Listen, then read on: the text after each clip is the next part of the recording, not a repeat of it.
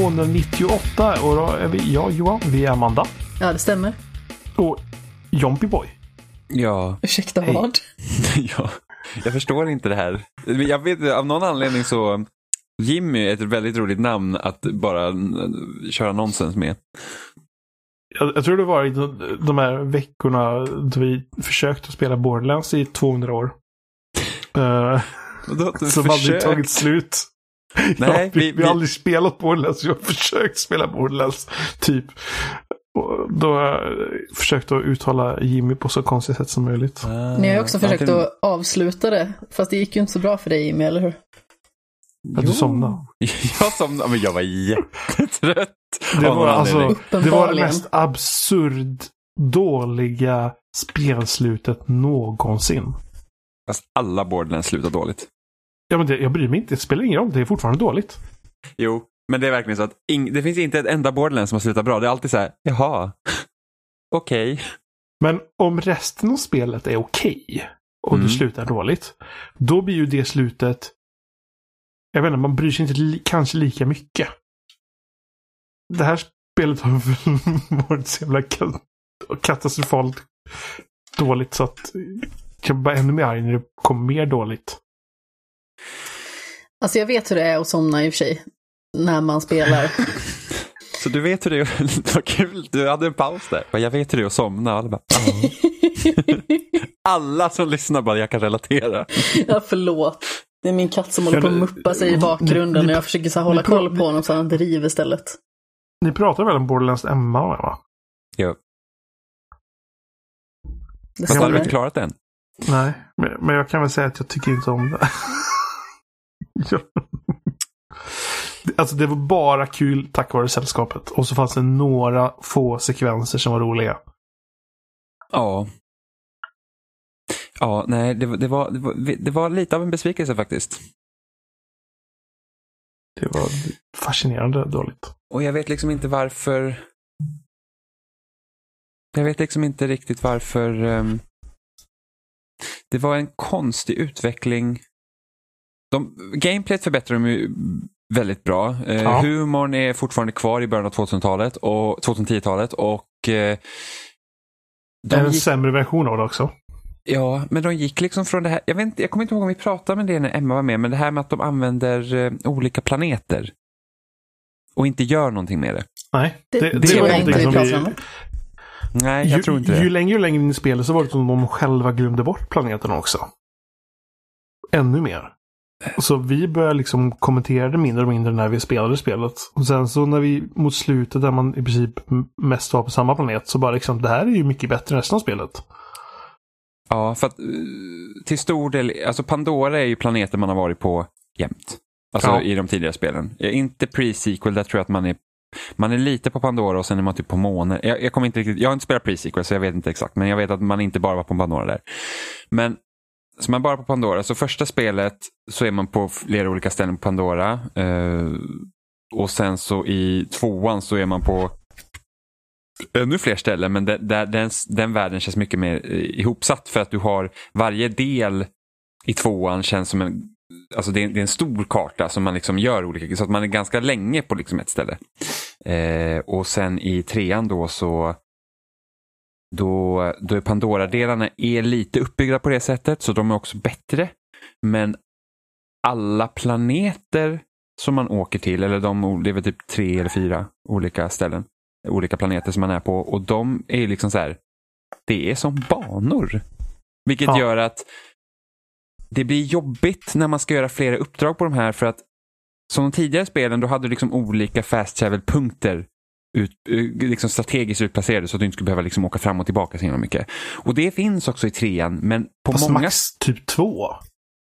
inte på Pandora som är en stor planet. Jag tror det finns typ två, eller två planeter som är lite större så där är det bättre utplacerat. Men de mindre planeterna då är det en lång bana med ingen fast travel-punkt. Kanske i början och i slutet av banan. Vilket gör att sen- om du måste till mitten de- så måste du de- springa igenom allting igen. De teasade väl redan i slutet på tvåan. Det var liksom, åh nu kommer det vara på flera ställen. Nej, Eh, redan i slutet av ettan teasade Kanske. Ja, när ettan var slut så vad heter det, fick man se en stor karta på att det fanns liksom eh, valv på flera planeter. Ja. Och det tog Och sen så har de upp i... hypat inför det här spelet. Och sen när man väl spelar spelet så märks det ingen skillnad. Det skulle lika gärna kunna vara nya områden på Pandora. För att det, det är väl typ en planet där gravitationen är annorlunda. Men annars typ så här... Det är nog det på en månad. Ja, men fiender och sånt, det är liksom... Det, alltså typ de här... eh, Ja men som här fienderna som kommer från olika de här vapenföretagen, de är liksom samma på alla planeter och även de här eh, liksom banditerna är också samma på alla planeter. Men även så här, typ olika djur och sånt, det är ingen skillnad. Nej. Så att det är ju, så att de gör ingenting med de olika planeterna, det är samma sak. Det, det, är liksom, det känns inte som att vi är på en annan planet i det här universumet. Det, det, allt skulle kunna vara på Pandora fortfarande. Och det är det som är så synd. Så då har man liksom inte, då har man så åh det är så coolt, vi har olika planeter. Man säger, ja, men, det, det, det känns som den typiska att om vi vill göra det här men, men vi har inte möjlighet att göra det här så det blir något annat istället. ja, ja, precis. Tanken har ju förmodligen kanske varit att, men Ja. har vi de olika planeterna så kan vi göra det här och sen har det inte funkat eller har inte hunnit eller vad som helst. Ja. Så, så det är jättetråkigt. Tror, det, det tror jag att det är. Mm. Men det var tråkigt. Men eh, inte värt att köpa för 750 kronor i alla fall. Det kan jag nog eh, Wow. säga. Spel är svindyrt. Det är helt korrekt. Alltså det var typ nu när Death Stranding ska komma ut, jag ska, jag ska förboka det, och så kostar det 699 och jag var så här, åh! Jag blev typ glad för att det inte var över 700. Det är faktiskt Det- ganska så sjukt ändå. att Jag, Man ska jag känna blir så. jätteglad när, det, när spel är liksom med Game Pass för att då behöver jag inte bli fattig. Ja. Ja, nej men det, det och typ Nintendo-spelen kostar ju fortfarande 599. Ja, och det kommer de göra för alltid. Ja, jo, jo på, på det sättet, men samtidigt så att på något sätt kan jag ju ändå respektera att man säger så här att nej men våra spel kostar 600 spänn. Och det är vad de kostar. För att då, liksom, då, då, då, blir det inte, då blir det inte det här racet mot att mot att hela tiden sänka spel och liksom att man, eh, för att Nintendo-spelen har ju inte en jävla massa mikrotransaktioner i sig heller. Det är att det är helt vad de sant, kostar. absolut. Eh, förutom då deras mobilspel som är typ satan själv. Så det där, där, och jävlar Mario Kart Tour alltså. Det, Ja. det var, det var när de släpper nådigt. ett sånt spel på Switch då, då är jag upp Nintendo helt. Men alltså, någonting som jag har reflekterat över det senaste framförallt, det är liksom att vi går ju mot ett mer digitaliserat samhälle naturligtvis. Men det kan vara så extremt mycket billigare att köpa i fysiskt exemplar. Alltså när jag skulle köpa Fifa 20, om vi tar liksom den ordinarie versionen, grundversionen, då kostar den 749 på Playstation Store. Sen så finns det två stycken olika varianter till som kostar 949 respektive 1099 kronor. Eh, och sen så beställde jag det från typ NetOnNet för 499. Mm. Och jag, jag förstår liksom inte riktigt den grejen. Alltså, visst, jag kan förstå att man kanske fortfarande vill ha en spelsektion i en butik och då måste det liksom kunna vara försvarbart på något vis och då kanske de har lägre priser än vad de har i Playstation Store. Men att det kan vara sån extrem skillnad verkligen. Men jag, jag tror att det har någonting att göra med en kombination av att fysisk, en fysisk sak som en butik måste sälja. Där måste de liksom kunna pressa priserna för att du ändå har, liksom, du har ett lager fullt med skit som de måste kunna sälja. Jo, jo, precis. Så, så, då, så då måste ju butikerna på något sätt ha en möjlighet att pressa ner priserna för att bli av med det när de har för många. Så, så där tror jag det är en orsak till att spelen ofta är rätt så billiga i fysisk form. Jo, jo. Att spelen är dyra digitalt sen tror jag det är för att man är så jävla lat. Det är så, det är så lätt att bara liksom så här klicka och ladda ner ett spel. Så folk köper det ändå. Jo. Men det är för att de, jo, fast, och det är för att de kan och sen så, för att det var ju mycket så här att, det vet jag att det var snack om förra generationen när det började bli vanligt digitalt. Alltså, typ när 360 kom så kunde du inte köpa större spel eh, digitalt. Det var ju bara de mindre och det var ju först kanske 2010 någon gång tror jag eller något sådär. När det liksom att Microsoft gick ut med att de, ah, men nu ska vi sälja våra 360-spel, alltså varje varje spel kommer säga day on date.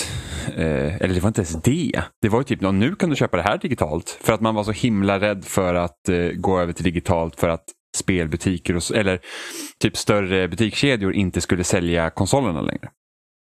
Därav också prisen var ju samt, liksom likadana.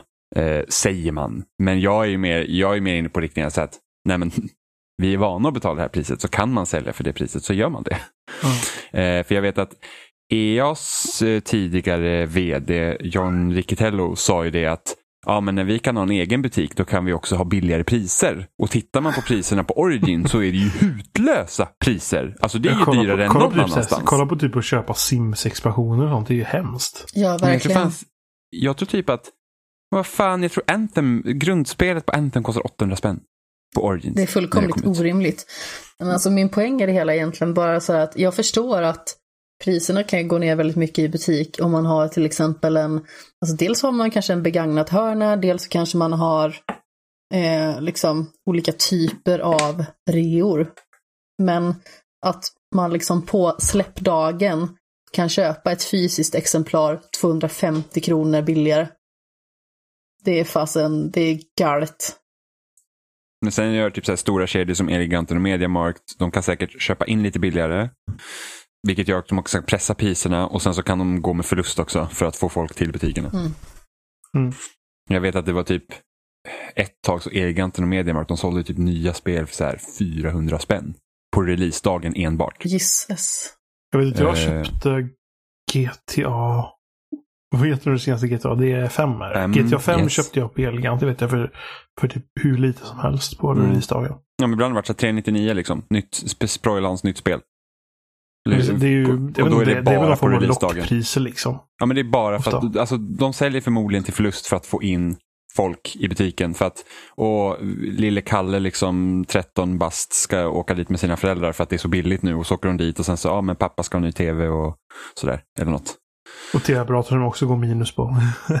Gör de det? Ah, fan. Nej, jag tror inte de gör det länge, men det var i alla fall en period som jag vet att eh, den mesta av elektroniken så gick Eleganten och Mediamarkt minus på. Det de gick plus på var tillbehör och eh, olika typer av så här, trygghetsförsäkringar och eh, olika tjänster de säljer runt om. Som till exempel typ så tv-kalibrering och sånt. Mm. Eh, Så det är därför deras säljare är så, eh, så tjötiga med försäkringar och sånt. För att det är en, en av de sakerna de tjänar pengar på. Och sen, eh, och sen är det så att Mediamarkt, de, de pumpar in pengar annanstans ifrån. Eh, liksom de kan gå förlust i Sverige för att de får pengar någon annanstans ifrån för att etablera sig. Alltså tank, jag tror att men är- mål det är liksom samma, ju med- är med Eleganten också. Ja. Det är det är stora liksom, globala företag som... Ja. eh, Så målet är att liksom, målet är ju att alla andra ska stänga ner så att de sen kan höja priserna för att de är själva på marknaden. Liksom, typ. Ish. Och de lyckades ju få bort On-Off till exempel. On-off, expert. Fanns det mer? Det var ju typ... On-Off, eller expert som köpte On-Off. och sen så gick de själva åt helvete tillsammans med det de har köpt upp från On-Off. Ja, Oh, herrejösses. Köpte för övrigt The Outer Worlds billigare också. Vill jag bara säga. Så jag är nöjd med det. Var det billigare än gratis? Som jag och Johan. Mm, jag vill bara påpeka att det är inte gratis för er, för ni betalar ju Nej, faktiskt för det- en tjänst. Sant. Men jag tror att jag betalar ungefär 100 spänn för Game Pass om året. Så det är två fullprisspel. I pris. Om året? Nej, i månaden. Så det blir två Ja. fullprisspel om året. Ungefär. Lite mindre. Okej. Så, att man, så att det räcker med att man spelar liksom tre nya spel så har du liksom sparat pengar. Känner att det gick upp i falsetten. Så här, hund- Om jag spelar 100 spel. Fast i och för sig, de som tog den här dealen med Game Pass Ultimate under E3, så de betalade typ en dollar då för att prova på. Eh, då får man ju Game Pass på PC, Xbox och eh, man får guld då. Men det är bara det att de som hade guld redan så konverterades det. Så att då får du Game Pass Ultimate lika länge som du har guldtiden. Så det finns ju folk som betalar en dollar och så har de typ guld redan i så här, två år. Alltså, så de, de betalar inget mer för Game Pass. Mm, härliga sidor. Då är det billigt. Det är korrekt. Men korrekt, det är inte gratis. Det... Men Outer Worlds hade du ju spelat då helt enkelt. Ja, ja. Amanda. Absolut. Inte jag. Nej, för du är någon sorts konstig människa som inte för jag, jag hinner inte. Jag- alltså jag är, jag är skitstressad. Det gick från att vara så här att ja, men den här hösten ser ganska lugn till tills att vara så här, fan, helvetes skit. Alltså, jag har ju bara försökt att spela Outer Worlds, så jag har ju inte lyckats med det ens. Så jag, jag förstår inte hur du lyckas med sånt du håller grann med. Nej. Du är galen. Jag försöker men, också ja, hålla mig ja. till ett spel just nu, men det är fasen svårt alltså. Du tänker på Fifa hela tiden? Nej, det gör jag faktiskt inte. Jag har inte spelat så jättemycket Fifa. Jag spelade klart berättelsen och sen så kände jag liksom bara att det finns mycket annat som jag behöver spela. Sen är Fifa en sån här palettrensare för mig som jag återkommer till då och då. Så kanske när jag har spelat klart Outer Worlds så kanske jag behöver plöja lite Fifa bara för att ja, men, kunna påbörja en ny kula med något annat spel. Ibland så tycker jag att det kan vara ganska svårt, alltså vissa spel som har varit ganska så, så expansiva, stora upplevelser tycker jag att det kan vara ganska svårt att bara skaka av sig och börja på något nytt. Eller om det kanske är överväldigande på något annat vis. Du har ju ett helt år på dig till Fifa 21. Mm, hmm, hmm. Tänk allt som går att spela på den tiden. Hur Ja, långt har du, eller hur mycket har du spelat med Outer Worlds nu då? och jag vet inte riktigt hur mycket, jag har lite dålig koll på det. Eh, däremot så har jag ju varit tvungen att liksom sätta mig in i, inom citationstecken, den nya världens eh, första personsskjutare. För den senaste, inom citationstecken, nya första personsskjutaren jag spelade, det var typ Bioshock Infinite året efter det kom. Det var en stund sedan. Ja, det var 2014 tror jag att jag spelade det. Inget Faktiskt. spel jag har spelat ens. Nu, blir- nu blir jag dock klar med Bioshock eh, i år. Så.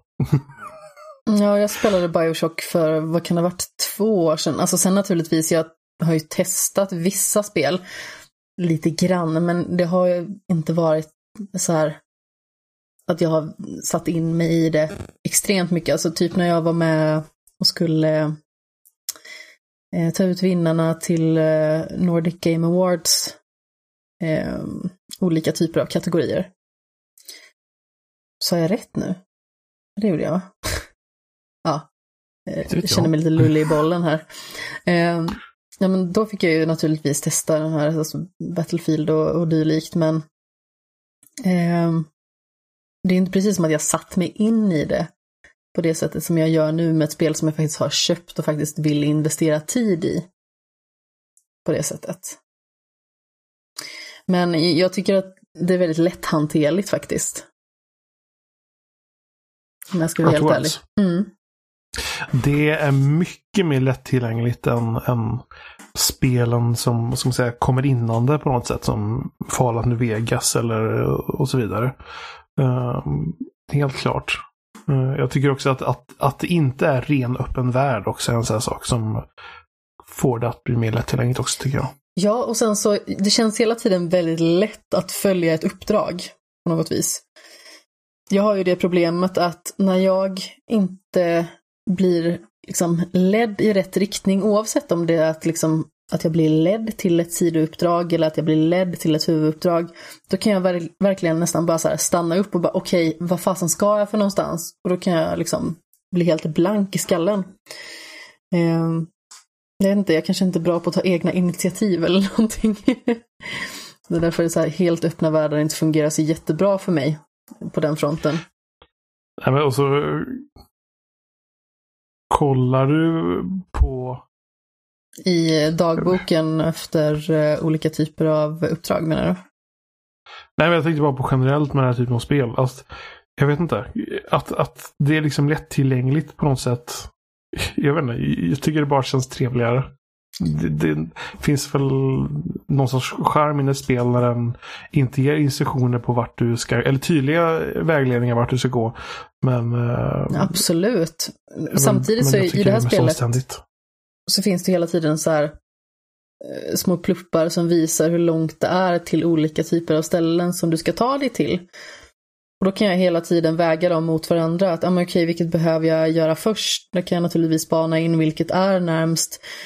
Eh, vilket är mer fördelaktigt att jag kanske tar först. Och så kan jag bara välja mellan de två plupparna liksom. Det är inte svårare än så. Eh, däremot så finns det ju spel som har varit överväldigande i början som har blivit lätt eller lättare sedan för att man liksom blir mer strukturerad. Jag tror att jag har lärt mig en del av att faktiskt spela ganska mycket Witcher 3 senaste året. Alltså just när det gäller att hantera öppen värld, för det är jag inte bra på egentligen. Det, det, det spelet har jag seriöst gett upp alltså. Ja, men Witcher 3 är helt, alltså det, det är helt sjukt. När det kommer till liksom storlek. Ja, Alltså, alltså, Det har inte ens med storleken att göra. Jag har liksom så här, jag har liksom hamnat på ett sätt i spelet så att jag liksom har fastnat och då, då orkar jag inte bry mig längre. Har du fastnat i Witcher? Ja. På vad? Alltså är det svårt? Ja, Ja, okej. Då, så. då jag orkar jag inte bry mig. Ja, okej. Ja, nej, men, det, det, men du kan ju inte sänka svårighetsgraden då? Det kanske man kan. Jag vet För inte. att jag körde, ne, ne, jag körde ju, eh, grundspel körde jag på normal. nej. jag också. Hard. Jag, jag körde fan på hard. Det gjorde inte jag. Jag tror det var Oliver som triggade mig att göra det. Jag bara, ah, okej då. Ja. Men sen när jag körde expansionerna så då hade det gått så lång tid mellan jag spelade liksom grundspelet till det. Så då körde jag på easy för att jag ville bara ha storyn. För jag tycker inte striderna i Witcher 3 är jätteroliga. Ja, De, de- känns de funkar. lite yxiga faktiskt. Mm. Men hur som haver, det känns väl som att jag kanske lärt mig att bli lite bättre på att orientera mig i en större värld. Men här så känns det hela tiden som att man på ett väldigt bekvämt men inte påtvingat vis blir ledd i rätt riktning. Och det gillar jag. För då känns det som att sannolikheten att jag faktiskt tar mig igenom hela det här spelet eh, ökar ganska så rejält. Mm. Och sen så är det ju plus naturligtvis att jag faktiskt tycker om spelet väldigt mycket. Det är en liten Det- fördel. Men det är roligt. Men alltså det är en det är lite jobbigt är... om man inte tycker om spelet. Ja, precis. Världen är ju extremt tilltalande. Alltså bara atmosfären. Eh, på alla ställen man är, är ju, tycker jag, tipptopp i alla fall. Jag vet att många har liksom eh, klagat en del på själva stilen när man liksom är inne i olika typer av anläggningar och sådant. Men jag eh, tycker om det väldigt mycket. Jag får lite så här eh, en blandning av det jag har sett från Fallout, typ blandat med lite Bioshock. Ja, speciellt om man är inne i olika typer av eh, byggnader och sånt. eh, Så kan man se lite likheter med Mm. lite Fallout-aktigt. Sen så finns det det de här här varuautomaterna också. Lite, lite de här valt-grejen liksom. Eller så här. eh, Allt det mekaniska och så. Men och utomhus känns det lite No Man's Sky-aktigt i, i färgerna. Absolut, alltså ta bara Eh. så här första planeten man är på.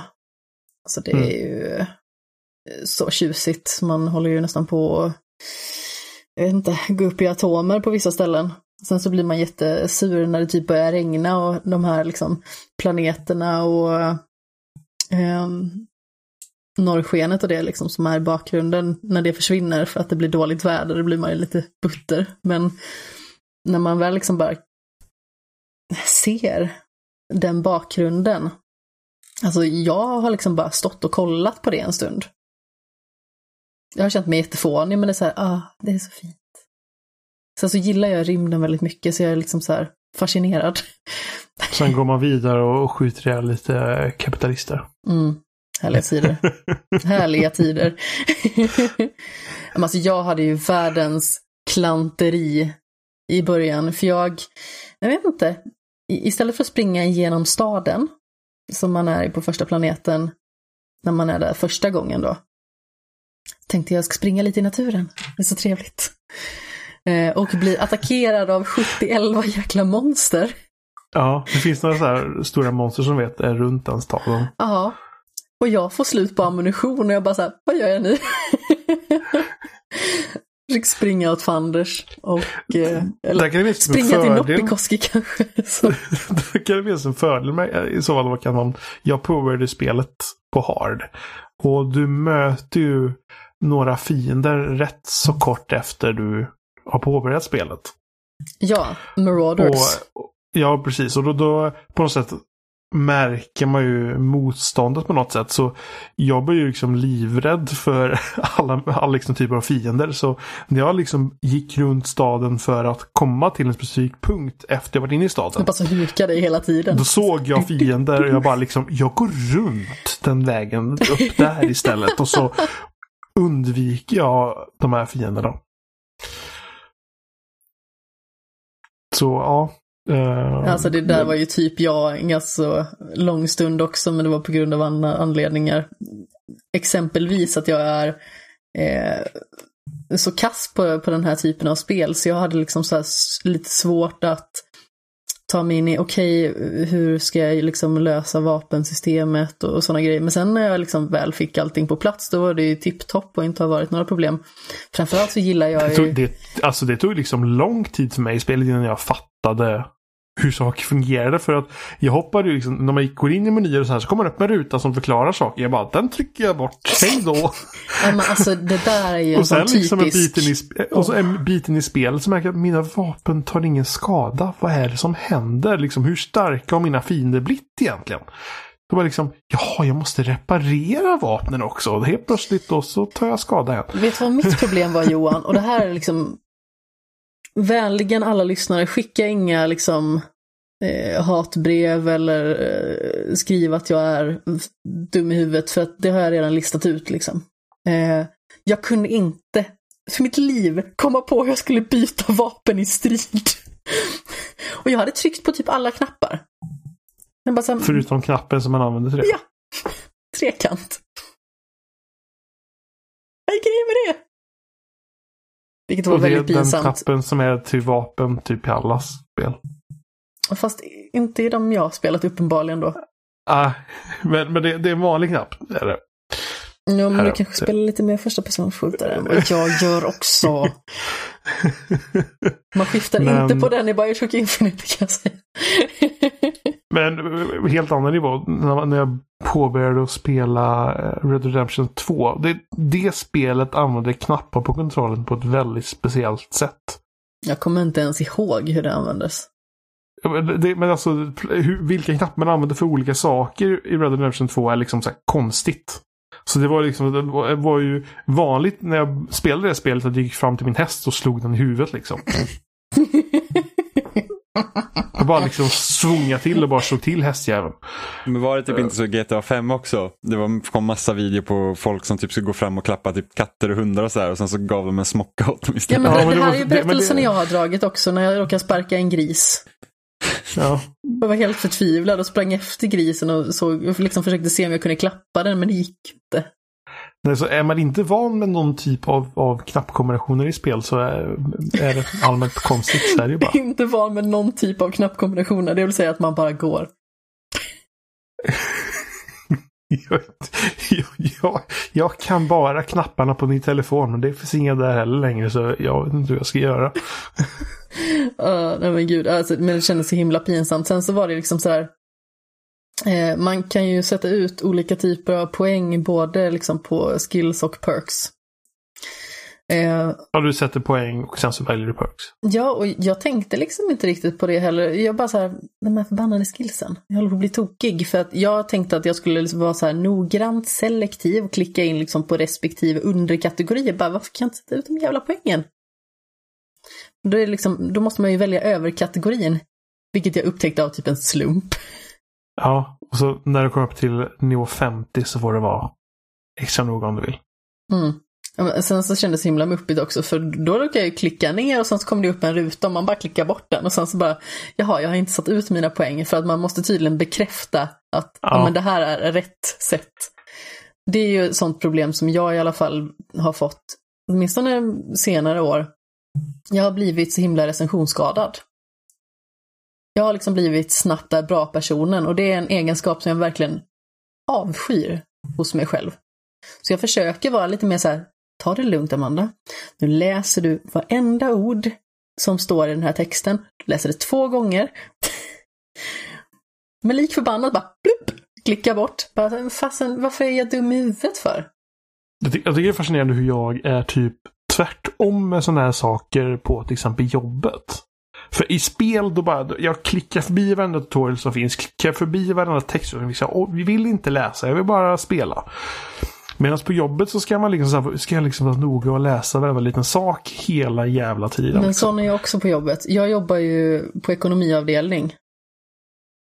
Så ja, man, man vill inte att pengar försvinner kanske? Nej, framförallt så jobbar jag ju bland annat på leverantörsreskontra.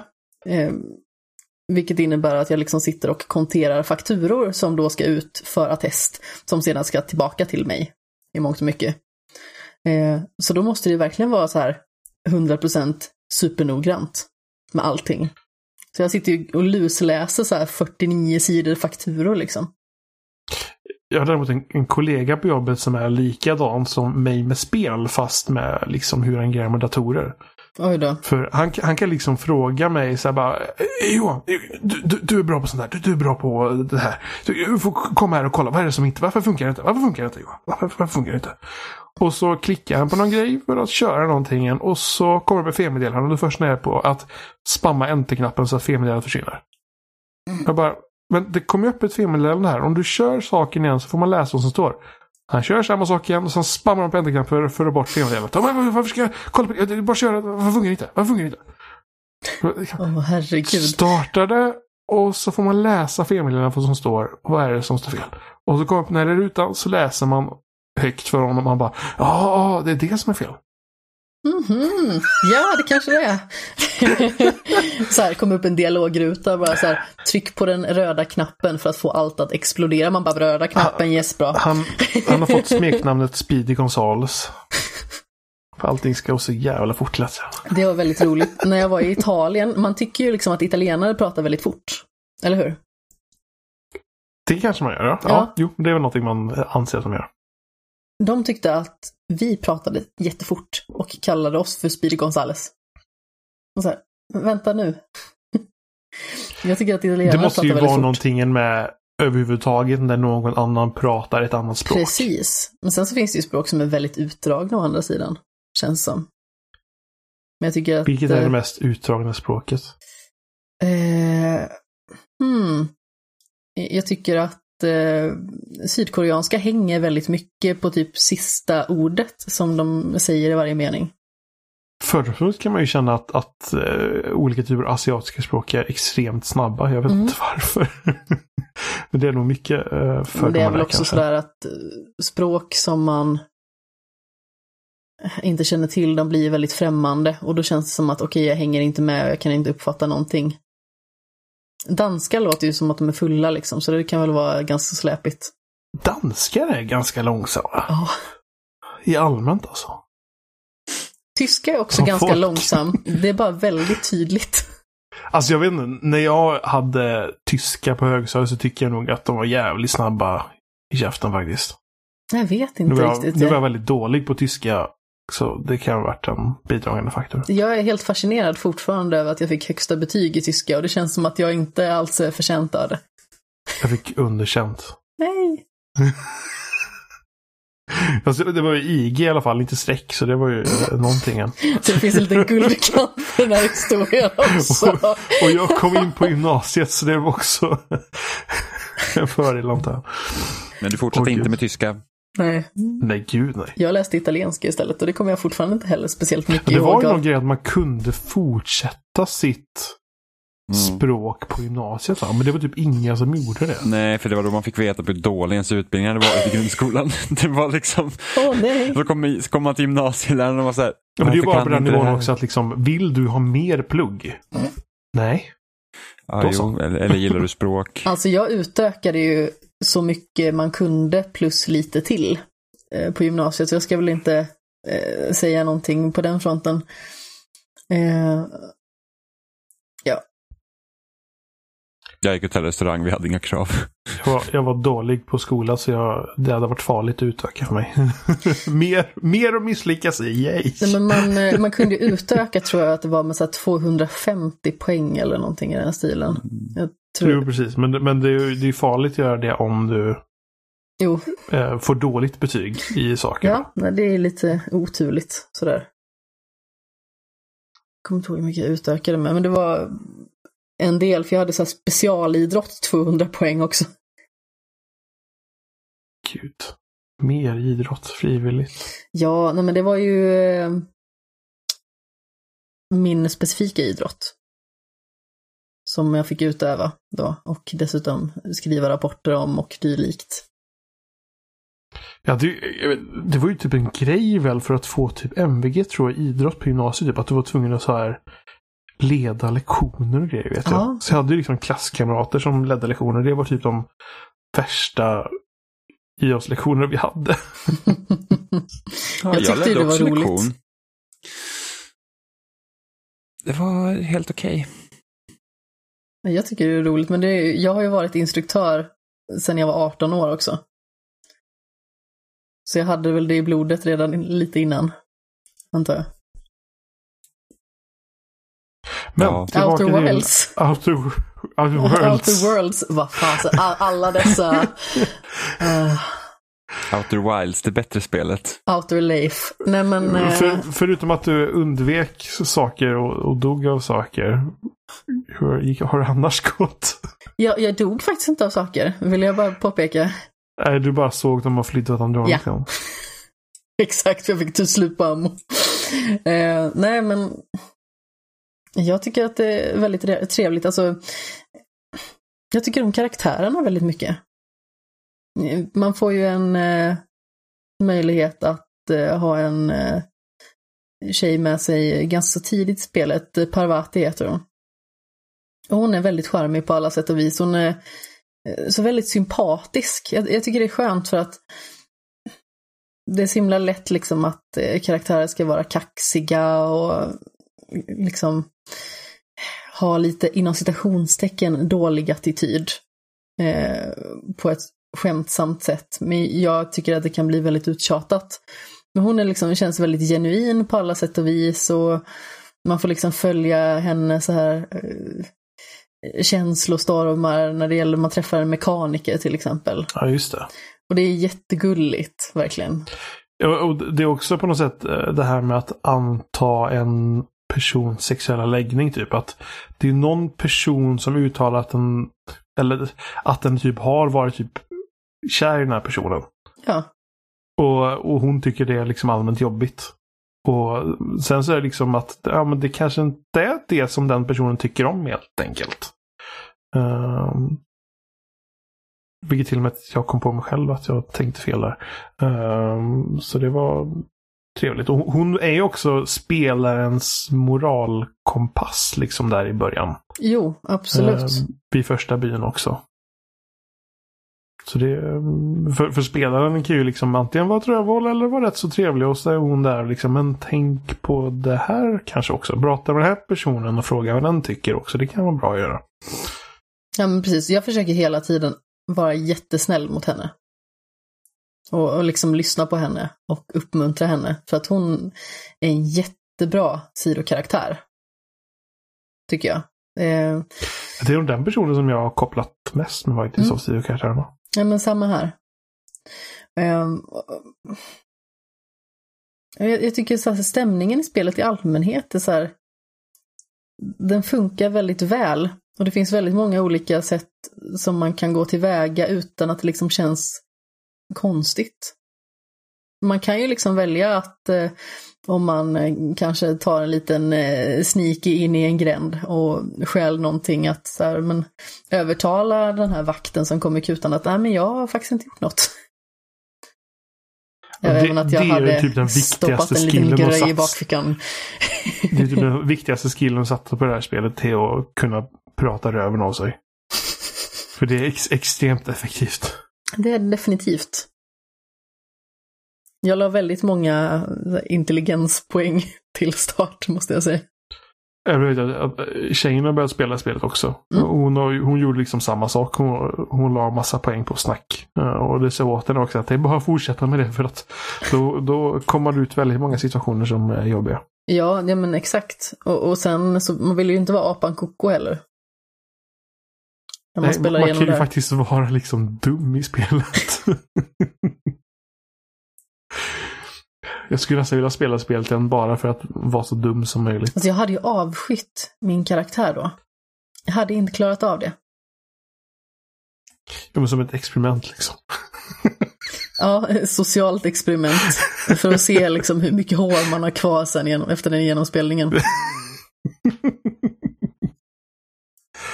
Ångest att ens karaktär är så jävla dum. Jag tycker inte om att vara dum. Nej.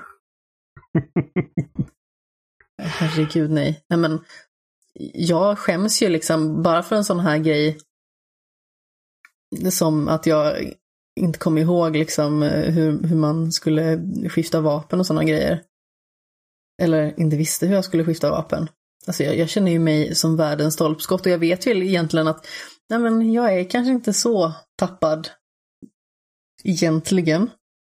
Men jag är kanske inte riktigt så spelsmart på alla sätt än. Så jag behöver liksom inte vara dum i spelet också. Det hjälper Det är ju inte. rollspel.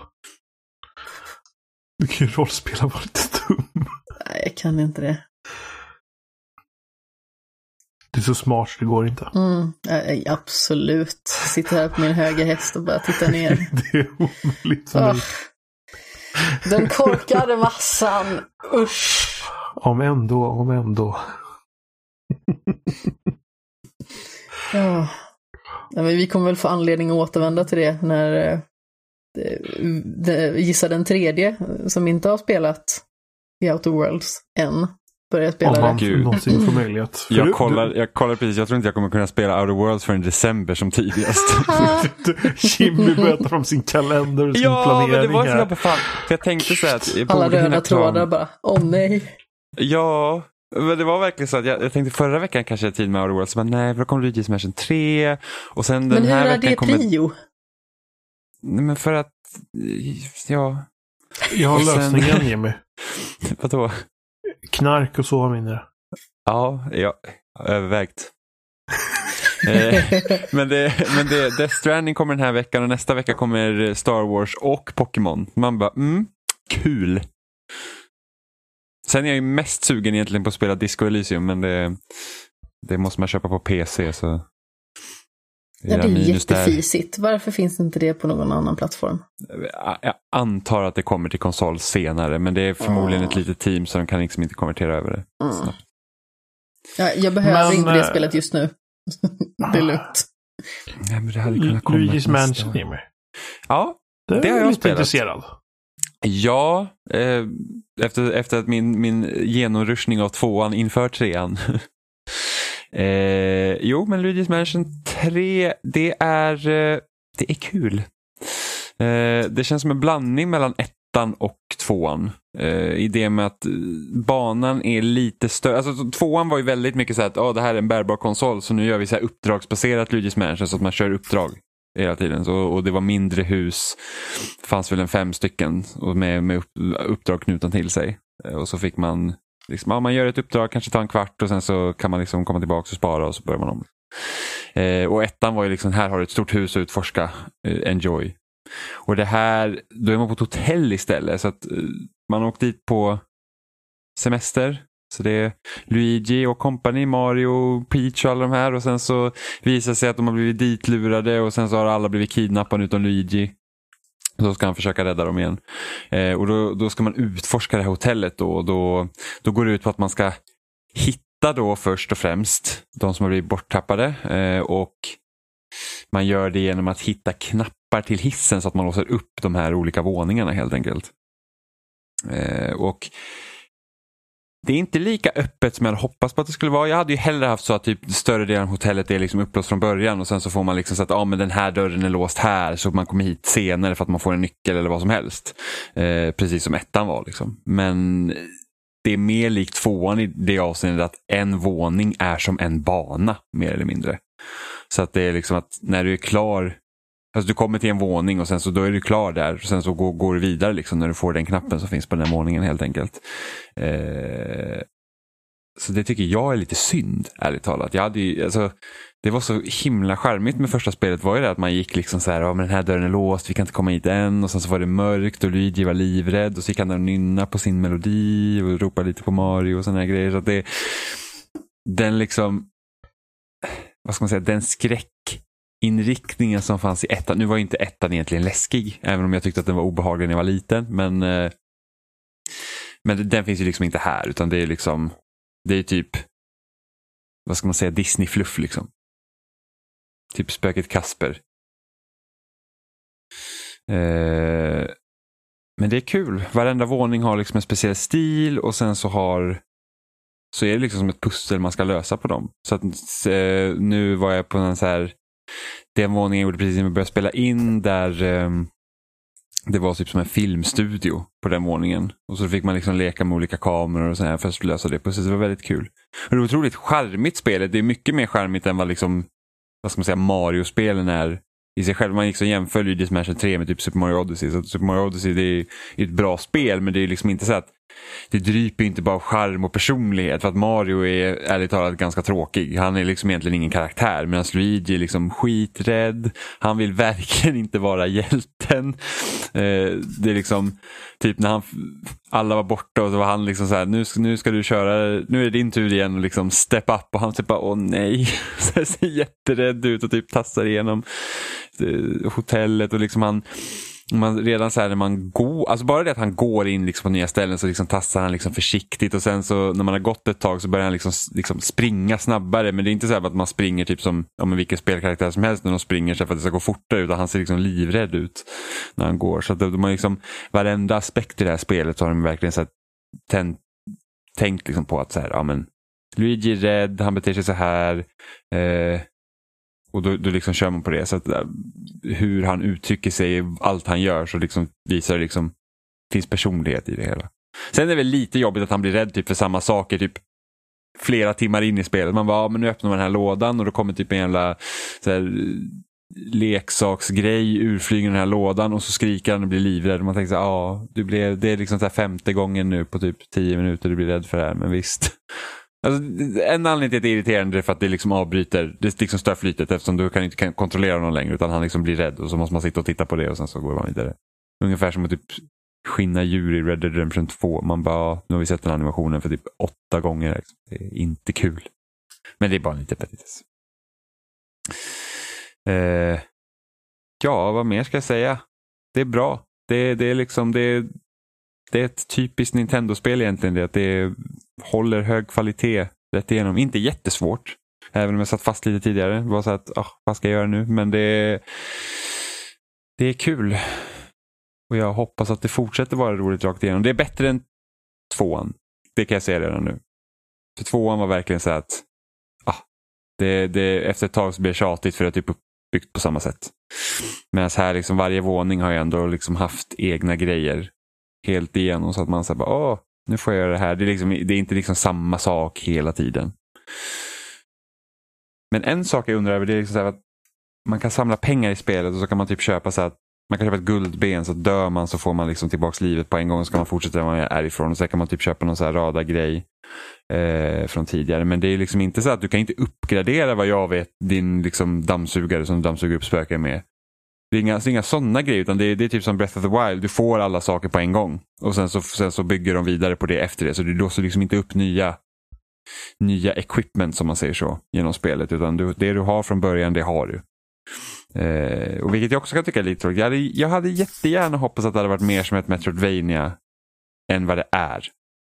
För det, det, det är liksom så att utforska ett, ett stort liksom spökhus och, och liksom typ Resident Evil-aktigt liksom hitta nycklar och låsa upp nya dörrar och komma till nya ställen. Det, det är roligare än så här.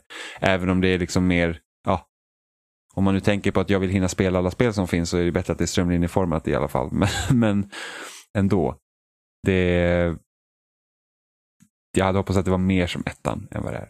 Men det, det är riktigt bra. Det, det, det, det är kul. Väldigt eh, väldigt kreativt är det. Ja. Mm. Ja. Vilken lång tystnad det blev där kände jag. Ja. Um, jag hade lite att gnälla på kontrollen först för att man man har ju två stickor vilket var jävligt skönt för det blir skitirriterad i tvåan. När man bara hade den jävla circle padden uh, och som man skulle sikta in. Och här har de gjort så att man tänker typ, för att du, du styr ju inte gubben som, det är inte typ som du kör en charter eller någonting sånt att du liksom följer gubben hela tiden utan det är ju låsta kameravinklar överallt. Och sen så går man liksom med Luigi. Och då tänker jag så här att ja, men om man då ska ha en sån här man, man kan liksom sikta med någonting, då borde det liksom vara precis som i alla andra spel, man, man siktar dit. Så jag tänkte mer så att ja, det hade kunnat vara bra om det funkar typ som en Twin stick shooter, att jag liksom pekar åt ett håll och sen så vrider han dit sin dammsugare. Men nej, inte här. Utan det är verkligen så att man måste, ska jag liksom till vänster och får ju trycka på vänster och så får man vänta till Luigi liksom vrider runt sig. Och det är så liksom helt runt. Så att det är liksom, man måste hela tiden utgå från karaktären relation till kameran snarare än att jag ska vi till höger och då bara pekar jag stickan till höger och så vrider han sig automatiskt dit. Så att det är liksom, står han vänd mot kameran och jag ska till vänster så måste man tänka tvärtom. Åh oh, nej. Ja, det är jättejobbigt. Och det var och, och jag var så här skitirriterad på det och Oliver sa typ i chatten, han bara, man vänjer sig. Jag bara, jag vänjer mig fan inte. Men det beror på att joyconsen är så jävla dåliga. Alltså jag tycker verkligen inte om joyconsen, de sticken är fan sämst. Så att när jag körde Pro-kontrollen nu, när jag körde på tvn, så funkar det mycket, mycket bättre. För att de stickorna är mer bekväma. Jag vet inte varför, men det, det är liksom så att då kändes det mer naturligt. Men jag förstår fortfarande inte varför de skulle göra det så krångligt att styra med två stickor. Det är liksom, vi har hållit på med det här, alltså man har haft två stickor hur länge som helst. Det är liksom, det problemet är löst. Jag förstår inte varför det, liksom, varför det ska vara ett problem. Så, så att, ja, det, det, är väl typ min största klagomål. Det är att, liksom att varför kunde det inte bara vara som en, en, en twin stick shooter när det kommer till liksom hur man använder siktet. För att det, det, det kan bli lite jobbigt. Men annars, det är ett jättebra spel. Det är liksom om man är sugen på att spela ett lite annorlunda spel. För att det är inte, den här typen av spel görs inte. Jag vet inte något annat spel där liksom man jagar spöken med en dammsugare. Liksom. det är en väldigt det, specifik kategori måste man ändå säga. specifik kategori. Jag tror Ghostbusters kommer nära. men annars Vad är det... grundar du det på? Men har man inte, har inte de sådana här typ jag tycker inte om Ghostbusters. Jag var sarkastisk. De har dammsugare men de har ju saker på ryggen. Som, som gör saker med. De har saker på ryggen ja. Istället för en dammsugare på ryggen så har de saker på ryggen. Men det, det är typ det. Så det är... Oh, just det! Nytt för det här spelet, man har ju Guigi, vilket är typ det är väl det mest skräckinjagande i spelet med att Luigi har typ en, en, en typ flabberliknande geggaklump som blir till sig själv som man för över sitt medvetande till så man kan liksom åka igenom typ galler och sådana här grejer. Det, det är fan lite obehagligt, ärligt talat. så, man, så man får typ då får man liksom så här att ja, men här är ett avlopp så kan man skicka i Gegg-Luigi dit i och sen så får man göra vissa grejer där. Och så kan man liksom styra dem var för sig. Då. Så att i vissa pussel så är det så att man måste gå med Guigi till ett ställe. Och sen så får man byta tillbaka till Luigi och ibland så kan man, för att man kan liksom sätta dem i ett så till exempel säga att jag behöver mer sugkraft, då kan jag liksom sätta Guigi och suga här och sen när jag byter tillbaks till Luigi så fortsätter Guigi att suga helt enkelt. och, så det kan man behöva göra. Nu tänker Amanda på något snuskigt. Va? Va? Gör jag inte alls visst. det gör du visst. Jag hörde det på ditt skratt. Du gjorde det? Mm -hmm. Mm -hmm. Så, så det är rätt så roligt faktiskt. Eh, att man har eh, att man liksom, det är väl det är liksom den nya grejen för det här spelet som man inte haft tidigare. Eh, så det finns några väldigt roliga smarta pussel också. Och just det att Guigi kan inte gå i vatten till exempel. Så då måste man liksom tänka på att åh, här är vatten så får man liksom försöka tänka runt det. Och vilken, om man ska vara riktiga Luigi eller Geg Luigi som går runt. Så då får man tänka runt det. Men det är, väldigt, det är ett väldigt bra spel. Så att eh, låter det roligt så ska man absolut spela det. Trevligt, trevligt. Mm. Mycket. Switch är en bra konsol ändå. Ja, definitivt. Det, det, är liksom, det, det, är ändå, det är ändå väldigt häftigt att man liksom säger att jag kan spela på tvn och allt ser jättetrevligt ut och sen så tar jag bara med mig konsolen och så spelar jag någon annanstans. Så ser spelet mindre trevligt ut men det går. Jag spelar det nästan aldrig stationärt. Men det... Jag föredrar att spela på tvn. Jag spelar nog mest Switch när jag vill sitta i vardagsrummet och spela samtidigt som Evelina nog köper Xboxet. Så då blir det alltid bärbart. Mm. Jag kör ju oftast på Switch när jag typ åker tåg. Jag blir, typ, jag blir imponerad varje gång jag sitter och spelar Skyrim bara. Jag sitter och spelar Skyrim på en bärbar sak. På min bärbara dator som jag hade liksom för x antal år sedan klarade inte ens av att spela det här spelet i princip. Oj. Mm. mm. Ja, man får se. Vad, jag undrar vad Nintendo, alltså nästa konsolen från Nintendo, om det är liksom Switch 2. Och hur det kommer funka. För att det, alltså, det vore jättesynd att överge den här idén. Mm. På samma gång så kan man kolla på eh, hur de gjorde Wii U och de inte lyckades följa upp ett koncept. Så. Man känner ju ändå, de kan ju liksom inte gå tillbaka nu till en enbart stationär konsol. Nej, alltså det skulle ju vara då i så fall om de också hoppar in på molnbaserade spel. Så att det, du har en stationär konsol och sen så streamar du till en telefon eller en padda när du är iväg. Då hoppas jag verkligen på att de bara på en Switch 2 som är lite bättre. Ja, det hoppas jag också. Även om jag har hört att många är väldigt imponerade av, av Xcloud som har gått ut till betatestare. Att det ska Ja. funka relativt bra. Jag är fortfarande skeptisk. Mm. Jo. Men eh, ja, man får se. Det är ju liksom, alltså. Det hade varit skithäftigt. Alltså ja, det kommer ju aldrig hända. Microsoft och Sony kommer ju liksom aldrig göra en, en konsol, en hybridkonsol som Nintendo eftersom de satsar på molnbaserade spel istället. Mm. Så att, eh, och det kommer ju, den tekniken kommer ju bara bli bättre. Jo, så är det.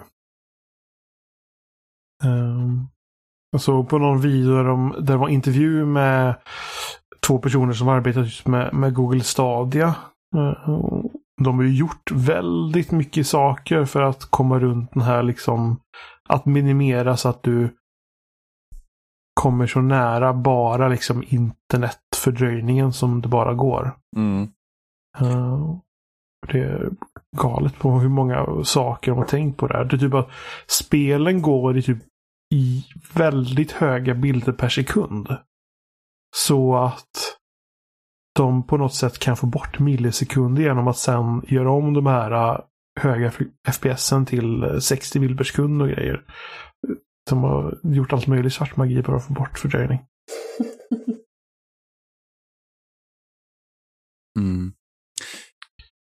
Men jag tycker he, he, alltså, Google Stadias businessmodell är ju jättemärklig. Ja, du betalar för en, en eh, Du tjänst. betalar för att kunna streama spelen som du ändå måste köpa på tjänsten. Men det, är Det som, är märkligt. Det är som att du hyr konsolen. Ish. Jo. Men du Men har det- ingen faktisk konsol utan den finns någon annanstans. Men det är ändå så märkligt för att det, är liksom, det känns ju verkligen öppet för alla andra att göra något så mycket bättre. Hej, betala lite extra för att få möjligheten att streama våra spel men du kan också köpa, alltså du kan också använda dem offline, du kan ladda ner dem. Det är det som Ja. är så jäkla bra med Game Pass, det är ju att du kan ladda ner spelen. Ja, Och- Så att, eh, ja, jag, jag vet inte. Jag, jag tror ju inte att Google Stadia kommer finnas kvar om fem år. nej, nej, speciellt om du kollar på Google som älskar att lägga ner saker. Ja, jag, tror, jag tror inte att det kommer vara en, lyck, en lyckad grej. Eh, det är säkert snart en del av eh, Googles kyrkogård av tjänster. mm. För att det är liksom, jag var ju helt säker på att det skulle vara Netflix för spel. Och sen när de hade sin jävla visning så bara, va? Ska det inte vara det? Så bara, men vem ska använda det här? Vem, Ja, det- liksom, vem, vem tycker att det är bättre än någonting annat som finns förutom att det är coolt att man kan streama? För att det, liksom, det låter inte ens som en bra deal. Nej. Men eh, man får väl se hur det går där. Ja. Har vi något mer att prata om? Ja. Det har jag. Ja, Vi hade spelat Afterparty också. Ja, det gjorde vi. Det har vi gjort. Eh, och det är då, vad ska man säga, det är som en spirituella uppföljaren till Oxenfree. Det är i alla fall samma studio som har gjort det. Och de spelen är ju väldigt lika varandra för att det är konversationsbaserat spel egentligen. Med små pusselelement. Vilket är lite oklart just nu för att vi har inte kommit till något riktigt pussel än. Nej, men precis. Det närmsta ett pussel vi har kommit är att vi skulle lista ut att vi skulle hoppa ut över ett räcke. Ja, genom att dricka en, en, en dryck som gjorde oss modigare. Ja, men Eh, precis. så- Det var lite märkligt. Ja, så det Afterparty handlar om det är att eh, man är två stycken då vänner som har dött. de har Milo ingen aning och om Lola. varför. Exakt. Eh, och de har då hamnat i helvetet. De har inte aning om hur de har dött. Men de, får, men de tycker inte att de borde få vara där. Så att eh, så de har då fått reda på att om man lyckas supa djävulen under bordet så får man komma till jorden igen. Eller liksom man får komma därifrån. Eh, så att det är det vad spelet går ut på. Man ska helt enkelt ja, tävla mot djävulen i vem som ska dricka mest, eller klara av att dricka mest helt enkelt. Eh, vilket är en ganska lustig premiss från första början. Liksom. Som jag kände var så här typ att, jag vet att när de har pratat om det där och liksom har hört utvecklarna diskutera det i olika podcasts jag lyssnar på så tycker jag, det liksom, visst det låter som en rolig idé men samtidigt är man ju lite rädd att det blir så bara haha kul med alkohol. Typ. Det är lite den känslan jag fick innan. Eh, sen är ju inte spelet så. Jag tycker att de sköter det där väldigt bra. Det handlar inte så mycket om att du ska liksom Alltså det är, det är inte som att du går runt i barerna och alla liksom super sig fulla. Liksom, utan det, det, de har den här spelmekaniken att det finns olika alkoholhaltiga drycker vilket skapar en effekt på din karaktär så du får liksom en ny, nytt dialogval helt enkelt beroende på vad du har druckit. Så det kan ju vara liksom att ja, men du blir modigare, du blir eh, du, du, du, pratar som en pirat, du eh, vad fan fanns det mer för någonting? Eh, jag vet att det ska finnas en dryck som gör att man blir flörtigare också som man kan behöva använda senare. Och så får man då liksom testa och prata med olika karaktärer. Då. Eh, och så långt som vi har kommit är att vi behövde hitta en inbjudan till eh, djävulens fest helt enkelt. Och sen Nej, så vi har kommit fick... längre. Ja, och sen fick vi reda på att för att kunna tävla mot djävulen så måste vi supa Två stycken underhuggare under bordet Precis. också. Precis, vilket resulterade i att vi fick dansa istället. Ja, men precis. Att så att det har varit väldigt mycket så det är inte som att de har kört bara på att du ska supa alla under bordet utan det är, liksom, det är premissen och sen så bygger de vidare på det och så får man göra lite olika grejer. Ja, precis, vi kom eh. till den här underhuggaren eh, som då liksom finns på en annan eh, plats i mm. helvetet. Och Eh, Väldigt mycket barer i helvetet. Det är sex ja, olika öar alla har sin egen bar. Ja, minst en egen bar. Eh, men då i alla fall så sa vi att ah, men vi vill eh, supa dig under bordet för att vi vill kunna tävla mot djävulen. Och då i alla fall så då fick vi lite olika alternativ. Antingen så kunde man då föreslå att man istället skulle ha en danstävling, vilket vi valde. Eller så kunde man välja typ att man skulle försöka få tag i den här underhuggarens fru, eller exfru rättare sagt, för de hade brutit upp. Um, så det finns lite olika vägar att gå. Så det är mm. ju liksom inte helt strömlinjeformat på det sättet, utan man kan välja hyfsat mycket själv. Det är samma sak, vi behövde ju inte välja just den här nissen först heller. Nej, vi kunde ta den andra först ja. Och, och sen när vi skulle få inbjudan till Djävulens fest så då fanns det ju två olika uppdrag där man valde det ena. Mm. Eh, så så att det, det, är liksom, så det är väldigt kul, liksom, att man, det känns som att man påverkas. Att om man nu skulle välja att spela om det så kommer det liksom inte kännas tradigt att man bara liksom gör samma sak. För att det är väldigt dialogtungt. Alltså det, det handlar i princip om att välja konversationer och sen finns det små lätta pussel. Men hittills har vi inte varit vid något pussel där man känner sig att Åh, vi kan förlora. För att vi hade, vid ett tillfälle så var det så att vi skulle det var en som hade brutit sig in i helvetet och man skulle lista ut vem det var. vi hade fel. Ja, precis. Men det, det, det, skulle vi i alla fall göra och det, det låter jätteroligt. Men vi lyckades inte lista ut vem det var eller det blev fel för att jag, jag tror att tiden gick ut när jag ska klicka. Eh, och, och, vi fick ändå komma vidare. Så det blev väldigt så här diffus. Alltså att jag vet liksom inte riktigt vad utmaningen ligger här. liksom i att man ska gå liksom, det är kul att se vad effekten blir när man pratar med folk men samtidigt är det så att jag, jag vet liksom inte riktigt, alltså, finns det ens ett fail state i spelet? Vilket egentligen inte gör någonting men det är liksom här att va, det, är lite, det är lite svårt att veta vad, liksom, vad, vad spelet begär av en mm. om man mm. säger så. Jag tror att det gäller lite mer direkta moment som till exempel den här danstävlingen för att då var det ju tre stycken knappkombinationer hela tiden i taget. Som, för det var du som höll i kontrollen just då. Mm. Som du då skulle memorera eh, och klicka efter.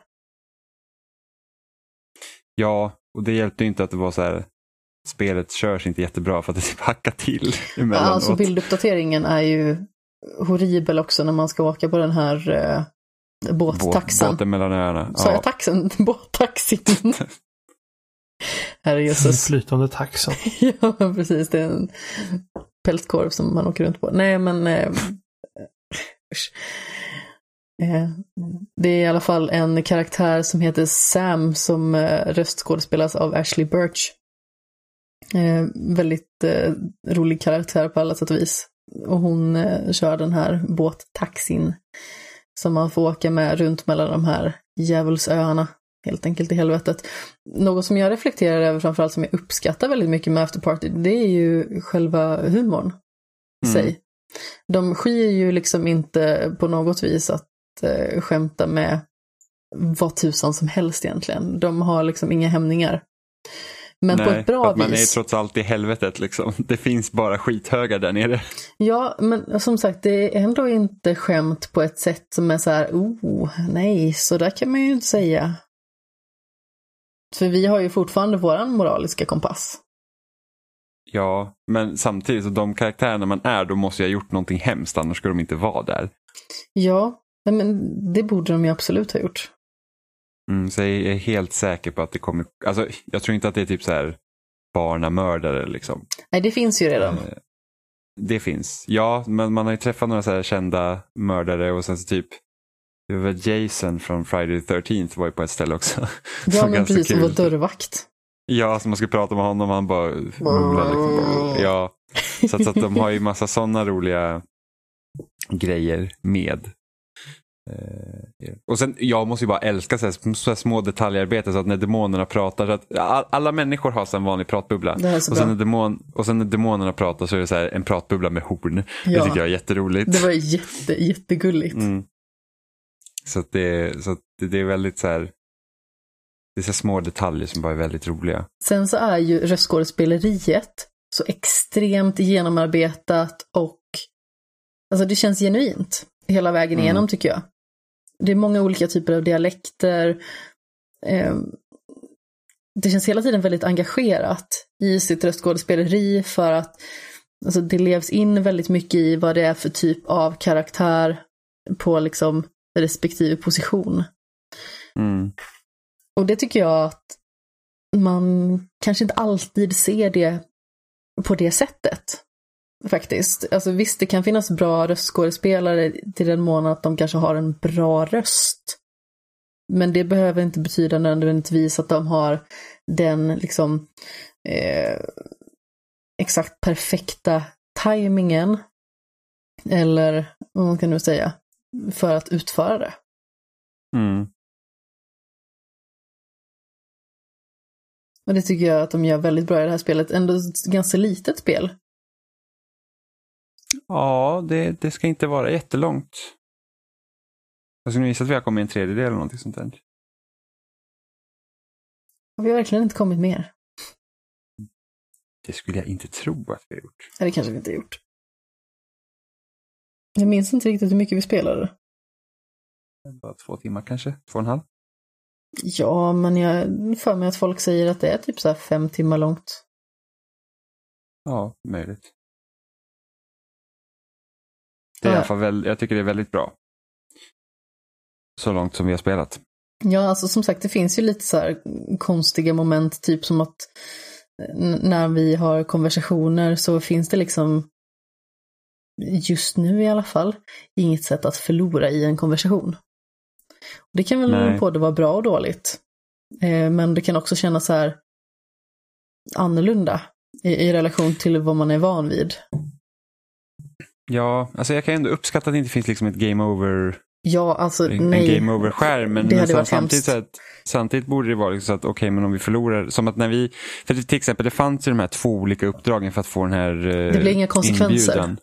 Nej, det blir liksom ingen eller det kanske kommer konsekvenser längre fram för att vi, alltså vi fördömde ju den här människan till typ evig eh, tortyr. Det var så här I- 50 i- i- års tortyr eller Ja, någonting. så i nionde cirkeln av helvetet som tydligen inte ska vara särskilt trevlig. Så att, vet ju inte om det kommer vara konsekvenser i slutet av spelet efter allt vi har gjort. Till skillnad från de andra trevliga delarna i helvetet.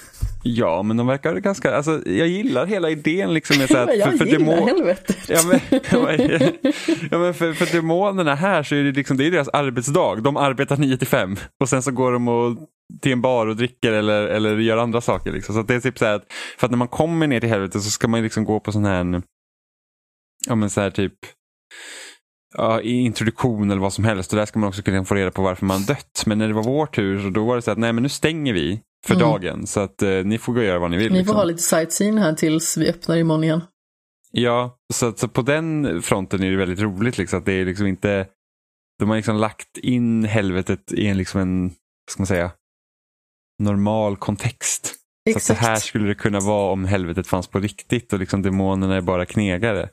Ja, men så det är det, att som är det- så himla roligt för att det blir ju sån extrem igenkänningshumor hela tiden. Även att det är baserat, ja, i helvetet. Mm. Ja, nej, men det, det är faktiskt väldigt roligt. Det är ju Eh, jävligt roligt på många ställen. No pun intended. Så, så jag, hoppas, jag hoppas det håller liksom hela vägen sen så att man får, så att det blir liksom nice.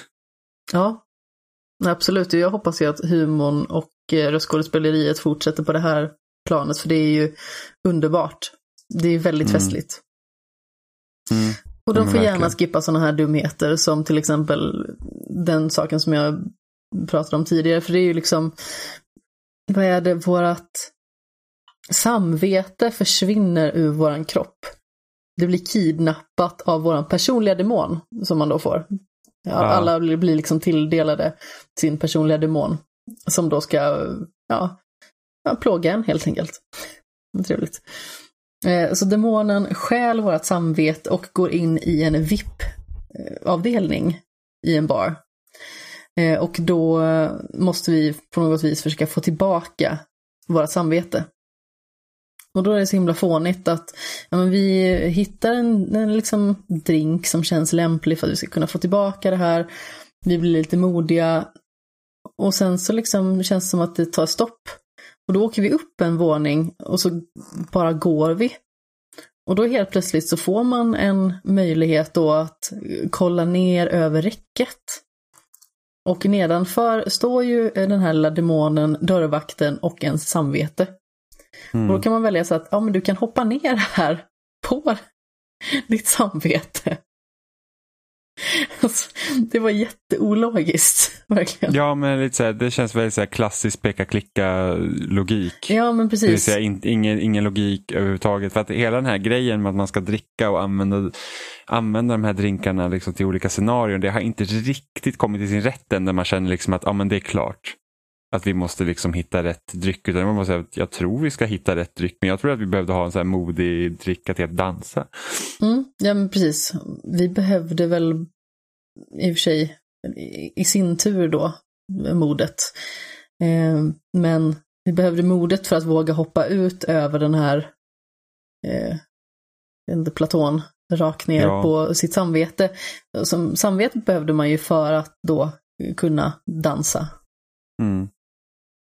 Det finns ingenting i spelet heller som liksom pekar på att åh, här kan vi hoppa ner. Utan det var inte så här typ att okej, Vi hade ju bara tur. vid, ja, för står man vid räcket Står man vid räcket och inte har druckit någonting då får man inte den prompten att man kan hoppa ner. Men det är inget av de valen heller när man väljer där så att heller skulle ens peka på att ah, men, vi kanske kan komma ner här. Om vi på något sätt. Nej men exakt, det Så känns det- ju ändå som att i modernare spel så får man en lite tydligare hint om vad det är man ska göra. Det behöver inte nödvändigtvis vara att det ska skrivas på näsan på något vis, men man kanske får ett litet korn av vad man, man ska göra. Men här var det verkligen gammal peka-klicka-anda, typ som i, jag spelar ju full throttle Mm. för bara några få månader sedan. Och det var också en sån här grej som var jättedum, för man kör runt massa bilar på någon form av, eh, jag vet inte, eh, racingbana. Och då är det tydligen att ja, du ska placera en bil under en ramp så att du kan köra med din bil upp på rampen, landa på bilen och sedan kunna köra ut.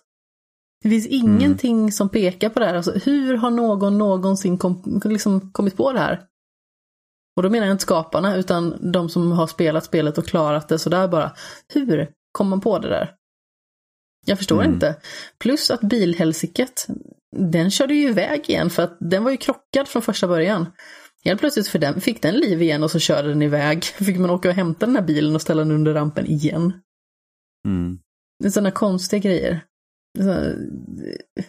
Det är inte ens liksom ologisk logik, det är bara ologiskt punkt.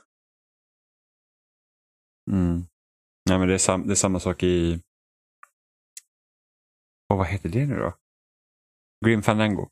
Där finns det också ett pussel när man typ på kasinobanan som man måste hålla mig. koll på. typ. Alltså det är liksom så siffror i tavlor och, och det är liksom Åh, det är så diffust, diffust att det är så att när jag läste den guiden, jag bara, hur i helvete hade, alltså hur? Det är liksom, det, det makes no sense. Det, vad är detta? Så att, eh, ja. Så att det, det är, men jag är sån här också, när jag börjar kolla på en guide sen är det kört, då kommer jag alltid så kommer jag alltid kika så fort jag fastnar. Så att jag körde typ ut, jag är inte klara Green Fandango men jag är typ på sista kapitlet men då sen körde jag bara med guide för jag ville bara se storyn. Det var ju så att det är liksom, pusslerna blir för, det, blir, de, det är för muppigt. Det är, jag har inte tid att sitta och liksom stångas mot det här liksom i flera timmar. När det inte, liksom är, när det inte känns schysst. Nej, men ibland så känns det verkligen som att men spelet vill mig illa och jag förstår inte varför. Mm. Spelet vill ju att jag ska försöka strypa mig själv. Ja, men verkligen. Sen så var det inte så illa i afterparty, men det var liksom en konstig grej ändå. Ja, nej, nej, absolut inte. Det är, det är inte som att man säger bara, åh gud, vi visste inte alls vad vi ska göra. Men, det- men det blev lite så här, vad, vad, vad gör vi nu? Liksom att, att man gick till den här liksom, lilla runda cirkeln där på hörnet och bara råkade ha druckit den här drickan var ju liksom, Ja, men det var ju typ så här, vi kollade på varandra lite förvirrat och sen så bara, jaha, vad, vi går väl upp då? Eller? ja, Gör vi det? Här tar vi en liten drink och så hoppsan, här, här kan man välja lite saker. Som av en händelse. ja, ja, väldigt märkligt. Men det är ett trevligt spel. Ja, men det är det. Det tycker jag. Det lär inte hamna liksom på toppen av det här året. På något vis. Tror inte jag i alla fall. Men eh, det är väldigt trivsamt. Alltså har det varit ett riktigt pangår i år? Alltså, Nej. inte, inte för att jag vet att den här diskussionen kommer ofta upp of, ofta så här. Jag tycker att det kommer väldigt mycket bra spel i år. Jag vet inte om det har kommit så, så många så här wow, amazing. Nej men jag har inte haft liksom en sån här nästan religiös upplevelse som jag har haft de båda två senaste åren. Alltså, Okej, alltså jag, Outer Wilds håller jag ju väldigt högt. Mm. Det, är, det är solklart liksom. Ja, jag har ju inte liksom fastnat för det än, men det kommer ju lite saker i vägen där också. Men 2017, Horizon Zero Dawn. 2018, Celeste. Mm. Jag tror att det spelet jag hittills tycker är bäst i år är nog Sayonara Wild Hearts. Mm. Men det varierar lite från dag till dag. Fråga mig imorgon så tycker jag fortfarande att det är Fire Emblem, bara för att jag lyckas ju få en perfekt tebjudning. Ja, gud, det är jävla tebjudning. Alltså, fy fan, som jag har ångest. Och så väljer man fel tre gånger på rad och man Du, ser bara hur obekväm den här människan är och man säger bara, åh gud, släpp mig härifrån. Men Johan, du tycker väl Borderlands 3 är bäst i år, va? eller hur? Åh gud. Nej. Vilket tycker du är bäst? Vilket spel tycker du är bäst än så Mm. länge i år? Hittills? Jajamän. Vad fan har jag spelat i år? Ja, jag vet inte. Gud. Jag kommer bara ihåg Outer Worlds just nu. Det är ju lite hemskt. Fast det är också ett väldigt bra spel. Ja, jo, så sett kanske. Men... Eh, hjälp. Ja, säger vi det då. Det, det, det var Mm. bäst än så länge. Det ligger inte Än så till i länge alla fall. året tar slut. Nej, vi har ju, det är ju två månader kvar nu. Mm. Det har vi definitivt. Mm. Jag har väldigt svårt att se att det är någonting kommande som ska så här, ta mig med storm. Ja, jag har också otroligt svårt. Ja, i och för sig. I och för sig. Jag vill spela Disco Elysium. Alltså. Jag tror att det kan vara riktigt, det kan vara riktigt bra. Men jag har, också, jag har också svårt att se något spel som skulle slå Outer Wilds. För att det spelet var verkligen så här, wow. Det var, alltså, det var typ 30 timmar av pure bliss. Det var verkligen alltså, alltså det kändes ungefär som när jag spelade Breath of the Wild. Det var liksom så här att okej, det här är det här är amazing. alltså det verkar skitmysigt. Men eh, det blir ju Ja. lite spelblockat av annat. Jag höll Ja, på att säga kockblockat, men Det tar också tid att komma in i det. För att, eh, ibland är det ju så här med spel när man börjar spela dem och man så här. det är mupperi i styrningen alltså. Ja, det är jättesvårt. Det, det, alltså, jag blev aldrig riktigt jättebra på att flyga det där skeppet. Alltså, jag kraschade många gånger. Eh, men det, det är verkligen så att i vissa spel när man startar och man säger mm, det här vet jag inte om jag kommer tycka om och sen så rätt som det så klickar det. Och sen så fortsätter man. Så jag kommer ihåg när jag körde typ, alltså Xenoblade Chronicles är typ ett av mina favorit-JRPG någonsin. Och de första timmarna var verkligen så att jag vet inte om jag kommer klara ut det här. För att det är så att jag vet inte, jag, vet inte, jag känner att striderna klickar inte riktigt och sen så bara, åh. det är, liksom, det, är, det är ett ganska stort åtagande att spela sådana stora rollspel. Och sen så bara så här, pop, så, så gick det liksom. Jag hade ju en förmåga att eh, vara lite smått dum i huvudet när det gällde vissa spel. Det här var innan jag började recensera spel. Typ det här eh, Kingdom Hearts Rechain of Memories spelade jag på Playstation 3. Wow, mm. vad det inte var ett bra spel alltså. Nej, men inte all, de här konstiga jävla spin-off Kingdom Hearts-spelen alltså. Det var riktigt skumt. Ja. Och jag plöjde mig igenom det ändå. Jag vet inte vem jag är. Men det är typ, alltså så jävla konstiga namn. Det är sån här jävla Kingdom Hearts 365 and a half day eller något sånt vad den heter. Det är ja, liksom det är något vad, myskofikt i alla fall. Vad är det ens för namn? Jag förstår inte. Och då tänker man ju så här att, ja men det hade varit kul att spela Kingdom Hearts-spelen innan trean då. Eh, för att, alltså jag har alltid velat spela Kingdom Hearts. Och sen säger jag bara, ja men då kan inte bara spela ettan och tvåan för då är de här konstiga, de här spelen som måste spela. Och sen finns det något mobilspel där också som också ska spelas. Man säger, men nej. Ja, för det finns tydligen väldigt mycket mekaniskt som är inkorporerat i trean. Som liksom är taget från typ alla spel. Ja, storyn. Det är det. Att som man inte vet måste typ spela någonting om. Jag, oh, jag vet, det är bara så att, men alltså jag kan inte liksom spela två decenniers spel. Så att liksom förstå tredje spelet. Det är liksom, låt mig bara spela ett, två, tre. Alltså jag kan ju bara tänka mig någon så här, tänker så här, att ah, spela typ ett Assassin's Creed-spel. Sen bara, hmm, jag skulle nog vilja spela Assassin's Creed från början. Då har du liksom hur mycket som helst att ta dig igenom. Och de första spelen är inte svåra, alltså de första spelen kan man klara på kanske 15-20 timmar. Till och med mindre om man liksom skyndar på sig. Men liksom, sen så kommer så här Assassin's Creed Origins och Assassin's Creed Odyssey. Alltså Odyssey, jag spelade i 79 timmar nu. Oj. Nu är det med expansionerna inräknat, men jag tror att 54 timmar tror jag det tog mig att klara. Nej, mer. Det tog mig typ 60 timmar. Över 60? Nej. Jag har inte spelat så mycket expansioner. Okej, nej men typ. jag, förmodligen tog det mig 65 timmar att klara ut Odyssey. Men alltså om vi tar Kingdom Hearts till exempel. Jag tycker första spelet är ju en genuint trevlig upplevelse. Jag tycker det är jätteroligt och jättemysigt. Det har jättemycket kan dra åt helvete. myskosaker. Alltså, ja. Tarzan-världen kan ju liksom... Jag slutade spela där, jag kom inte förbi han hela skunken. Det var liksom så jag, jag orkar inte. Ja, Vilken men han med, gul, han med gul skjorta, han muppen. Skurken i Tarzan. Ja, jag tyckte du sa skunken.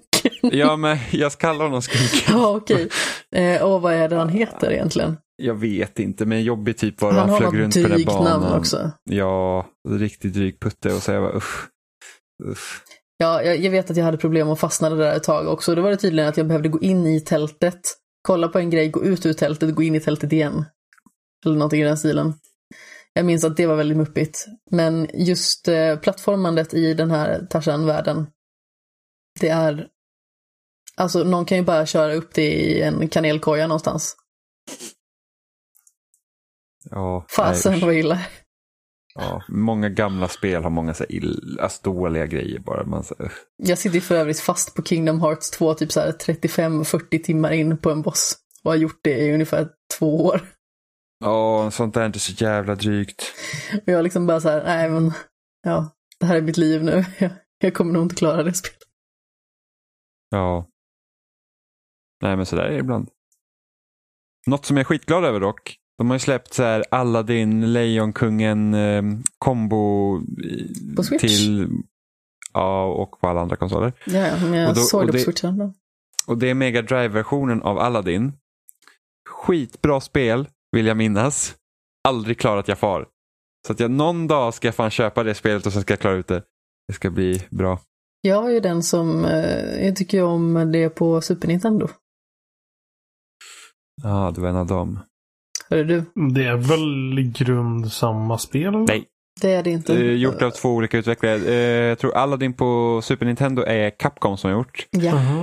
Och de som gjorde det, Aladdin på Mega Drive, oh, är något företag som inte finns längre tror jag. Men Lejonkungen är samma, det vet jag i alla fall. Det kan det nog vara. Kanske det... Samma ut, det är kanske inte är samma utvecklare men det är i grund samma spel. Jag vill minnas att det är en fantastiskt tjusig parallaxcrollning i alla fall i Super Nintendo-versionen när man liksom passerar det här stora palatset. Mm, mm. Det är fint. Däremot så hade det väldigt mycket så här skumma grejer också. Men eh, det är ett gammalt spel och man får ju ja, Ja, se förbi vissa saker. ja. Jag var så himla besviken på att Aladdin-spelet inte fanns med på den här Mega Drive minisamlingen. Men... eh, Åh, som jag inte har öppnat. Jag har en Mega Drive Mini som jag inte har öppnat. Eh, Det är samma sak med Playstation Mini. Den är fortfarande i lådan. Jag har inte tagit upp den heller. Fast Playstation Mini ska ju vara på riktigt dålig. Den ska vara jättedålig. Men eh, samlaren inom mig tänkte bara, vad kul med så här minikonsoler. För någon gång ska jag ha så här ett skåp och så ska de vara uppradade. Ett kabinett. Ja, med alla minikonsoler. Så att jag, har ju, jag har ju NES, och jag har SNES, och jag har Playstation, jag har Mega Drive. Mi- Mitt NES och SNES är på riktigt nedtryckta i en låda någonstans. Jag har just nu ställt min dricka på mitt NES. Jag, jag har dock funderat på att ta med dem till jobbet för det kan vara här kul så här lunchrastgrej. Ja, Och spela, spela lite Super Nintendo mot folk. de är tjock-tv också. Det behöver man ju inte när man har en sån här mini då. Ja, de har ju HDMI.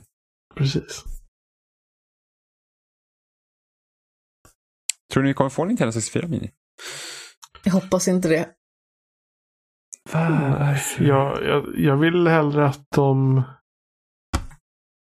släpper vissa typ 64-spel lite uppåtare till Switch istället. Typ. Jo, sant. Men det hade varit, ja, jo. Alltså, Tänk hur nice det var att de hade släppt 3DS-versionen av Mirror's Mask och Ocarina of Time till Switch. ja, Och men Wii U-versionen av Twilight Princess och Wind Waker till Switch. ja. Det är så mycket spel de skulle kunna släppa till Vad Switch. roligt det De- hade varit om de hade släppt en GameCube Mini. Den hade ju blivit typ som en Rubiks kub i storlek. Ja, det hade varit fantastiskt. Jag vill ha en Men sån. hur, frågan är hur ska de få plats med spelen? Jo då, det, allt går om man vill. Allt går utom små barn. Mhm. Seriöst så är, vad heter det, um, Luigi's Mansion är typ 300 megabyte stort. Det är inte så farligt. Så uh, vissa GameCube-spel är jättesmå. Mm. Men de kan vara upp till en och en halv gigabyte. Så. Alltså hade de släppt, alltså egentligen, de hade kunnat släppa en GameCube Mini med Melee på. Den hade sålt som smör. Ja, jag hade köpt det. folk, alltså, folk hade ju varit helt galna, de hade ju köpt den som fan. Det har ju varit såhär, det här är Smash-konsolen. Liksom. Men tänk Ja, dig kom- det är liksom- kombinationen Jimmy. Av kart och Smash på en Mini. Det var så kul med Double Dash. Tänk dig Jimmy, GameCube Mini med nätverksuttag på. Så det funkar med att göra systemlinkningen med Mario Kart. Det hade varit awesome. Tror ni att de hade uppdaterat Nintendo 64-kontrollen om de hade släppt en sån liten konsol så att inte styrspaken typ faller sönder så fort man tittar De på hade den? förmodligen gjort en snäppet bättre styrspak. sp- Spyr. Spyrspak. Var det en fr- freudiansk felsägning? Analog sticka. Ehm, jag gissar på att de hade gjort den eh, bättre men att den ser likadan ut. Mm. Att jävlar, alltså den, alltså den jävla spaken åt genom händer alltså. Den åt upp sig själv också. Det var ju liksom, du kunde vända den upp och ner så kom det ut liksom pulver från den Ja. som var liksom spaken som Kom malade bara lite sönder blå sig själv. rök till slut från den. Ja, och, och Nintendo var så här, åh vi har en spak, nu kan vi snurra på massa saker. Typ, alltså en kväll med Mario Party och du hade inga handflator kvar. Alltså det var ju verkligen, alltså Snälla fan, köp nya kontroller. Jag fick fan spelförbud efter att jag hade slagit Bowser i Super Mario 64 för att jag hade så här stora blåsor i handflatan. Nej, men För att nu hade jag minsann spelat för mycket och man bara nej, det här gick jättefort. Gud. Åh, Yes. Men jag vet ju också, vi lånade ju en GameCube. Hade ett ganska bra tag, men vi spelade framförallt en sommar svinmycket. Och alltså, den ena av kontrollerna var ju så misshandlad av allt spelande, så att den gick ju automatiskt till höger jämt. Mm. Så då fick man liksom se- sitta och så här styra åt andra hållet. Jag fifflade naturligtvis alltid och tog den kontrollen som var inom citationstecken normal. Bara, Oj, nej men råkade du få den igen? Ja. Vad synd. Men kontroller kan verkligen bli så jävla sunkiga efter ett tag. Alltså min första 360-kontroll, den hade jag väl typ i två år eller någonting. Alltså den styrspaken, den är typ flytit ut. Den är typ dubbelt så stor. Jag har faktiskt en eh, 360-kontroll. Som jag använde när jag skulle spela på eh, när jag fortfarande kunde spela på PC. Skulle väl tilläggas, Mm. eller på laptop gjorde jag faktiskt då. Men eh, den skaffade jag när jag skulle recensera Owlboy för IGN. Ja. Och eh, det var jättetrevligt och allting var så himla fint. Jag tyckte jättemycket om det så långt jag kom. Eh, jag spelade inte helt klart det, vill jag minnas. Eh, men, ja, men som sagt, jag tyckte det var jättetrivsamt och sen så kom jag till första bossen. Kunde inte för mitt liv klara den med eh, datorn på något vis. Alltså jag testade eh, och, och spelade liksom med en vettig mus till och med. Och så här. Helt omöjligt verkligen. Jag vet inte hur många gånger jag försökte. Jag höll liksom på att nästan så här börja slita mitt hår. Jag var så Åh, jag var så förgrymmad på det här. Fick jag liksom tipset, ja, du ska inte köpa liksom en, en Xbox-kontroll då som du kan eh, sladda in i eh, din dator. Så, Ja, okej, jag vill... eh, så, mm. Klarade på Mm. första försöket. Oj, var det så stor skillnad? Ja. Ja, det var som Ja. tusen. Nej, det är väl dags att runda av nu kanske. ja. Jag behöver duscha. Ja, men jag kommer ju just ifrån jobbet i stort sett. Ja, Och Det var bara några minuter. jag jobbar med träning. Vi finns som vanligt på spelsnack.com där ni hittar länkar till YouTube och Facebook och alla möjliga ställen. Eh, vi dyker upp på loading.se varje vecka. eh, som en tråd för varje avsnitt där. Uh, och ni får gärna skriva till oss där eller via e-post. Då kan ni mejla på kontakt.spelsnack.com eller förnamn spelsnack.com. Um, ja, E-post låter verkligen gammalt alltså. Elektronisk post. Gud. Jag har aldrig skickat, tagit emot så mycket e-post som när jag börjat jobba på riktigt nu de senaste året. Men folk Till älskar skillnad från innan alltså. när du jobbar på låtsas. Eller? vad? Nej men jag, alltså jag har ju mest haft så enklare typ sommarjobb och sådana saker liksom. Uh, fram tills nu. Och nu liksom lever folk i liksom e-posten och jag... Gud. Jag får liksom mest- tusentals mejl per dag. Vi använder mest Slack. Alltså det är ju grejen. eh, Teams och Slack och sånt. Men eh, Mm. vissa arbetsplatser kör stenhårt på e-post. Mm. Ja, men mejl är fortfarande det största kommunikationsmedlet på internet. Så mejla gärna till oss om ni vill det. Ja. Annars så kan ni väl skriva på Twitter också. Vad är det? Spelsnackpodd heter vi där. Vi fick faktiskt ett mejl två veckor sedan Oj då. eh, som ville att vi skulle diskutera mer om Dragon Age. Så att jag sa att vi får ha Emma med någon gång. Och... Jag skulle precis fråga Age. Emma som skickade det. nej, nej, det var inte Emma. Emma bara, kan ni inte diskutera Dragon Age? Jag är gärna med. Nej, men jag vet att Emma håller på att spela Dragon Age. Jag Igen. tror hon började på Dragon Age 2. Och det hade inte hon spelat tidigare, så det ska bli kul att höra. vad- Nähä. Senast så såg jag att hon hade fastnat i Tomb Raider nu tror jag. Aj då. Ja, hon spelade sämsta Tomb Raider också från nya. Alltså jäklar vad det spelet inte var bra. Är det det första eller andra? Tredje.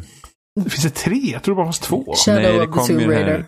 Ja, precis. Som, det, var, det var inte alls bra. Alltså grejen är att jag älskar ju pilbåge och jag älskar att klättra. Men det kan inte rädda upp det spelet från att vara, ja men typ, okej. Det är inte Alltså, det är dåligt inte- så sett, men Ah. den berättelsen är inte tjusig på något vis. Jag, jag trodde seriöst att det bara var två spel. Ja, det... Ja, Rise är ju faktiskt jättebra. Jag tycker om Rise of the Tomb Raider jättemycket. Ja, jag tycker nog Rise är bättre än det första, men ja, jag, Fast jag, första tycker, var att- också väldigt bra tycker jag. ja, jag tycker nog den här rebootade serien är sådär. Nu har inte jag spelat Mhm. de äldre Tomb Raider-spelen heller, så att jag har inget att jämföra med, men jag tycker de spelen är så här, mm, det, Nej, jag, jag tycker vill bara att Lara Croft är så fruktansvärt alltså, tråkig. kontuttar-spelen. lite kul med lite kontuttar. Springer inte som en triangel. ja. men de ska vara rätt så bra, alltså de äldre spelen. Alltså Det- rent. Ja, det visste ju alla möjliga spel. Men ja. Vi rundar väl av antar jag. Säg hej då. Hej då! Hej! Ja, hej.